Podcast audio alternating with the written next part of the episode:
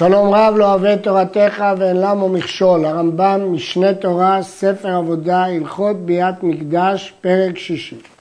כל כהן שיש בו מום, בין מום קבוע, בין מום עובר, לא ייכנס למקדש ולמזבח ולפנים, שנאמר ואל הפרוכת לא יבוא ואל המזבח לא ייגש, ואם עבר ונכנס לוקה אף על פי שלא עבד. גם אם הוא לא עבד, אלא נכנס מן המזבח ולפנים עם בעל מום, לוקה. ואם עבד במקדש, פסל וחילל עבודתו, ולוקה אף על העבודה, שנאמר אשר יהיה בו מום לא יקרב, מפי השמועה למדו שהזרה הזו שלא יקרב לעבודה. כלומר לפי הרמב"ם יש שני לאווים, ולכן הוא לוקה שמונים. הוא לוקה מדין ואל הפרוכת לא יבוא, על עצם הגישה שלו מעבר למזבח, והוא לוקה גם על העבודה מלאו אחר, אשר יהיה בו מום לא יקרב. הרמב"ן חולק וסובר שהאיסור הוא רק לעבוד עבודה. והוא מביא ראיה מזה שכתוב ולא יחלל את מקדשי. וכל מקום שכתוב גישת המזבח, אומר הרמב"ן, הוא לעבודה. ומה ששנינו במסכת כלים שאין נכנסים מן האולם למזבח, מעלה מדבריהם מדי רבנן. אבל הרמב"ם סובר שיש שני לאווים, לאו אחד על העבודה ולאו אחד על עצם הכניסה. וכן בעל מום עובר שעבד, פסל, עבודה פסולה ולוקה, שנאמר וכל איש אשר בו מום לא יקרב, יש ריבוי, וכל איש אשר בו מום לא יקרב, אז הריבוי הזה בא לרבות גם מום עובר, כל עוד לא עבר. מפי השמועה למדו שזו אזהרה לבעל מום עובר. ואין בעלי מומין שעבדו במיתה, אלא במלכות בלבד. כל המומים כולם, אחד שהיו בו מתחילת בריאתו, ואחד שנולדו בו אחר כן, בין שאינן עוברים, בין עוברים, הרי זה פסול עד שיעברו. הייתי יכול לסבור שאם כך הוא נולד, אז זה לא שינוי שחל בגופו, אלא כך הוא נולד. אז זה לא מום, כמה שמלד שבין אם זה מום שהיה בו קודם ואין מום שהיה בו אחר כך, פוסל. מום קבוע, כגון שבר רגל או שבר יד, ומום עובר, כגון גרב או ילפת, ואי החזזית. ולא המומים הכתובים בתורה בלבד הם שפוסלים בכהנים. לא רק הרשימה שכתובה בתורה, אלא כל המומים הנראים בגוף, שנאמר כל אשר בו מום, מכל מקום. ואלו הכתובים בתורה דוגמה הם. הדוגמאות הן באות ללמד אותנו, כפי שנלמד בהמשך, מום קבוע, מום עובר ומום שנראה בגוף. נראה הכוונה מום חיצוני, להבדיל, להבדיל אם חסר לו עבר פנימי כגון טחול וכדומה, שזה לא נחשב למום. שלושה מיני מומים הם. יש מומים שפוסלים הכהן מלעבוד והבהמה מלקרב. אם יש מום כזה בכהן הוא לא יכול לעבוד, ואם יש מום כזה בקורבן אי אפשר להקריב אותו. ויש מומים שפוסלים האדם בלבד מלעבוד, אבל לא פוסלים את הבהמה מלהקריב אותה אם הם יהיו בה. ויש מומים שאינם פוסלים, אבל מפני מראית העין אמרו שכל כהן שיש בו אחד מהם אינו עובד.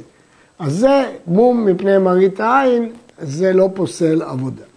כל מי שיש בו מום שפוסל באדם ובבהמה, זה מום כבד, דרגה גבוהה של מום, ועבד בין בשוגג בין במזיד, עבודתו פסולה. ואם היה מזיד, לוקה.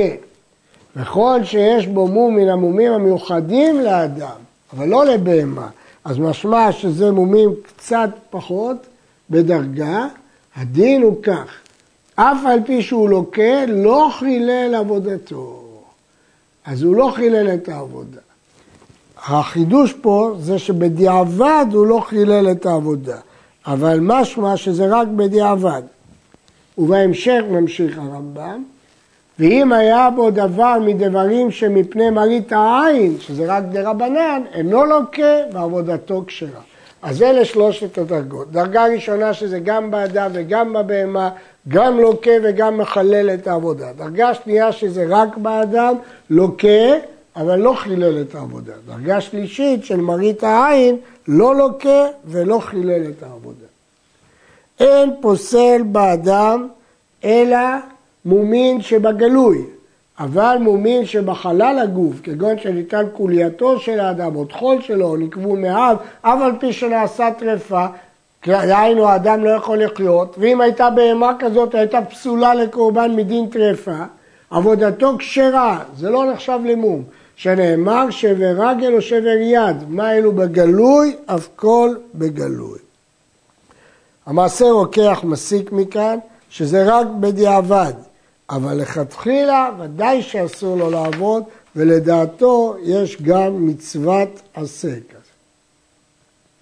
הערל שלא נימול, הרי הוא כבן נכר, שנאמר כל בן נכר ערל לב וערל בשר, כך כתוב ביחזקאל. לפיכך ערל שעבד חילל עבודתו ולוקה כזר שעבד. דימו כמו זר שהוא עבד, כי הפסוק משווה אותו לבן נכר, ולכן הוא לוקה, אבל לא חייב מיתה.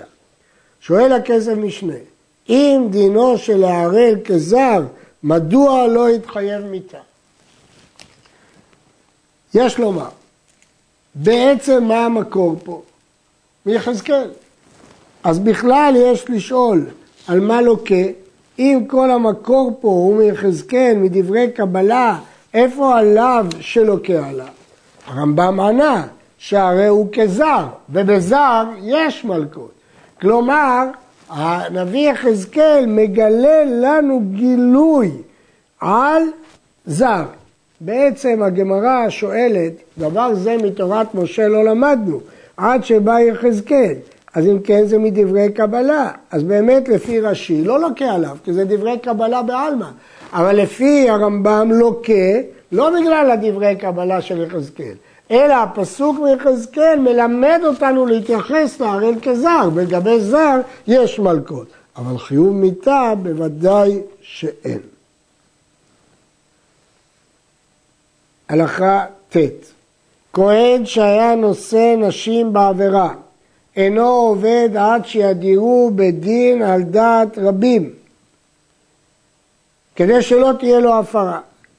יש כלל שכל נדר שנדרו על דעת רבים אי אפשר להפר אותו.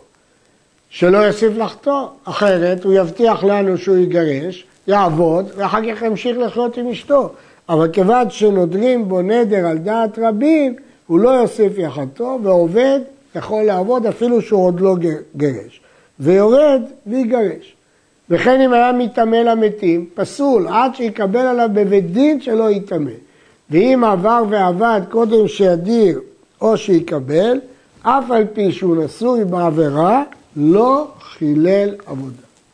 יש להעיר, מדוע לגבי נושא נשים הרמב"ם דרש שידיר אותו בדין על דעת רבים, ואילו לגבי מטמא למתים הוא לא דרש שידיר אותו בדין, הוא הסתפק שיקבל בבית דין. התשובה היא, כי לגבי אשתו תוקף אותו יצרו, ושם צריך יותר חזק לקבל עליו, בנדר, כדי שיגרש אותם. מה שאין כן להיטמא למתים, אין לו שום יצר הרע להיטמא למתים, ולכן ברגע שהוא מקבל עליו, זה מספיק. כהן שעבד ונבדק ונמצא חלל, חלל, כלומר שאביו הכהן עשה גרושה והוא נולד מייסורי עבירה, עבודתו כשרה לשעבר, אבל אינו עובד להבא. ואם עבד, לא חילל. שנאמר, בריך השם חילו ופועל ידיו תרצה, אפילו חולין שבו תרצה, כלומר גם אם הוא יעבוד להבא. בדין הגדול היו יושבים בלשכת הגזית, ועיקר מעשיהם התדיר, שהיו יושבים ודנים את הכהונה, ובודקים את הכהנים בייחוסין ובמומין. כל כהן שנמצא פסול בייחוסו, לובש שחורים, מתעטף שחורים ויוצא מן העזרה. כל מי שנמצא שלם וכשר, לובש בגדים ונכנס ומשמש עם אחיו הכהנים. והמשנה מוסיפה שהיו עושים יום טוב שלא נמצא פסול בזרעו של אהרון, היו אומרים ברוך המקום, ברוך הוא ברוך שבחר בזרעו של אהרון לעמוד ולשרת. מי שנמצא כשר בייחוסו ונמצא בו מום, מבחינת הייחוס הוא כהן. כשר, לא חלל, אבל נמצא בו מום, יושב בלשכת העצים, הוא לא צריך לצאת, הוא לא יכול לעבוד, אבל הוא לא צריך לצאת. מטלע העצים למערכה, דהיינו, בודק את העצים ומוציא אותם מתולעים בלשכת העצים, וחולק בקודשים עם אנשי בית אב שלו ואוכל, שנאמר, לחם אלוהיו מקודשי הקודשים ומן הקודשים יאכל. אמנם אסור לו לעבוד, אבל הוא יכול לאכול בקודשים, ולכן נותנים לו לטלע עצים בלשכת העצים, והוא מותר לאכול. יש להעיר פה שהרמב"ם אמר שבדין הגדול זה היה עיקר מעשיהם התדיר. מה פירוש? ולשכת הגזית יש לה תפקידים חשובים מאוד, לפרש את התורה, לדון זקן ממרא, לדון עגלה ערופה, אבל אלה לא דברים תדירים, מה הם עשו כל יום? אבל עבודת הכהנים הייתה כל יום, כי בכל פעם באו כהנים חדשים שהיה צריך לבדוק אותם מחדש. לכן זאת הייתה עבודתם התדירה, ולכן המשנה מתארת בזה את עבודת לשכת הגזית, למרות שהיו לה תפקידים נכבדים מאוד אחרים. עד כאן.